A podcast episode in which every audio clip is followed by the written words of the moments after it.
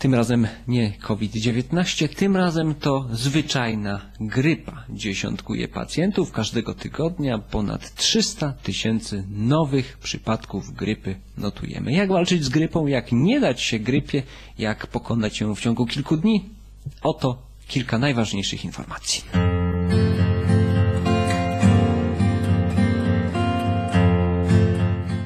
Pierwsza i najważniejsza zasada dotyczy tego, aby e, możliwie najszybciej zatrzymać proces namnażania się wirusa. Najlepiej uczynić to na samym początku, kiedy tylko zorientujemy się, że gdzieś wokół nas on się znajduje i ewentualnie próbuje dostać się do naszego ustroju. Musimy go jak najszybciej zneutralizować, a zaczynamy od nawodnienia organizmu. Pijemy ponad 2,5 litra płynów dziennie, to jest bezwzględne minimum. Jeżeli mamy temperaturę, zaczyna nam się temperatura, to do 40 stopni jej nie obniżamy. To jest y, stan bezpieczny. Dlaczego jej nie obniżamy? Dlatego, że wysoka temperatura nie sprzyja namnażaniu się wirusa. Organizm w sposób naturalny sam, chcąc zwalczyć wirusa, podnosi temperaturę organizmu, więc my nie powinniśmy mu w tym przeszkadzać. Wirusy nie lubią ciepła, dlatego też e, nawet w tej sytuacji warto jest zażyć gorącej kąpieli o temperaturze powyżej 40 stopni. Taka kąpiel również nam może pomóc i dobrze by było, żeby do takiej gorącej, do takiej wanny z gorącą wodą wsypać garść chlorku magnezu. Magnez to jest pierwiastek, który bardzo skutecznie zwalcza wirusy. Dodatkowo warto stosować nalewkę bursztynową. Bursztyn nie rozpoznaje wirusów, tylko je po prostu niszczy i my powinniśmy z tej właściwości korzystać. Nalewka bursztynowa na spirytusie jest szczególnie polecana, jeżeli chodzi właśnie o infekcje wirusowe. Aby skrócić czas trwania choroby, uniknąć powikłań, należy również kilka razy dziennie nacierać nalewką bursztynową plecy, piersi, stopy i miejsca pod kolonami. Jest to naprawdę bardzo, bardzo skuteczna metoda i ją polecamy.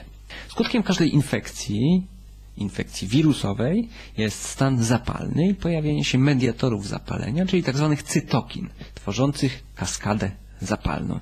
E, Generowana jest wówczas w organizmie ogromna liczba wolnych rodników i jeżeli jest ona zbyt duża, może być niebezpieczny. Dlatego też warto i dobrze by było, żeby zmniejszyć, zredukować liczbę tych niebezpiecznych wolnych rodników, a robimy to przyjmując witaminę C. W tym przypadku, w przypadku infekcji grypowej, przyjmujemy 1 gram witaminy C co dwie godziny.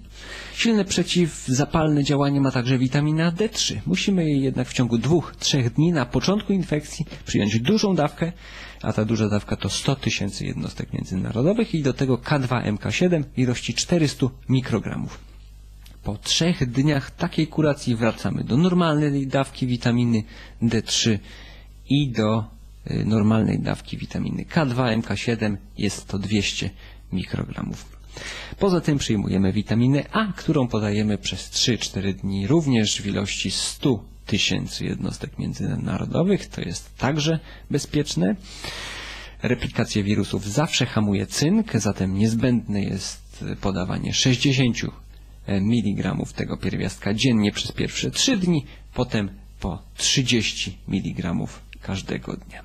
Do tego wszystkiego warto jeszcze przyjmować DMSO, jedną łyżeczkę tej substancji rozpuszczonej w szklance wody dwa razy dziennie. Ma ona skuteczne działanie przeciwzapalne, nie powodując przy tym żadnych skutków ubocznych poza charakterystycznym zapachem skóry, ale z tym z pewnością sobie poradzimy. To właściwie wszystkie podstawowe zasady walki z grypą, walki z każdą wręcz infekcją wirusową. Warto o nich pamiętać, a więcej informacji, szczegółowe instrukcje znajdziecie w książce Skutecznie wyleczyć COVID-19, do czytania której gorąco zachęcam.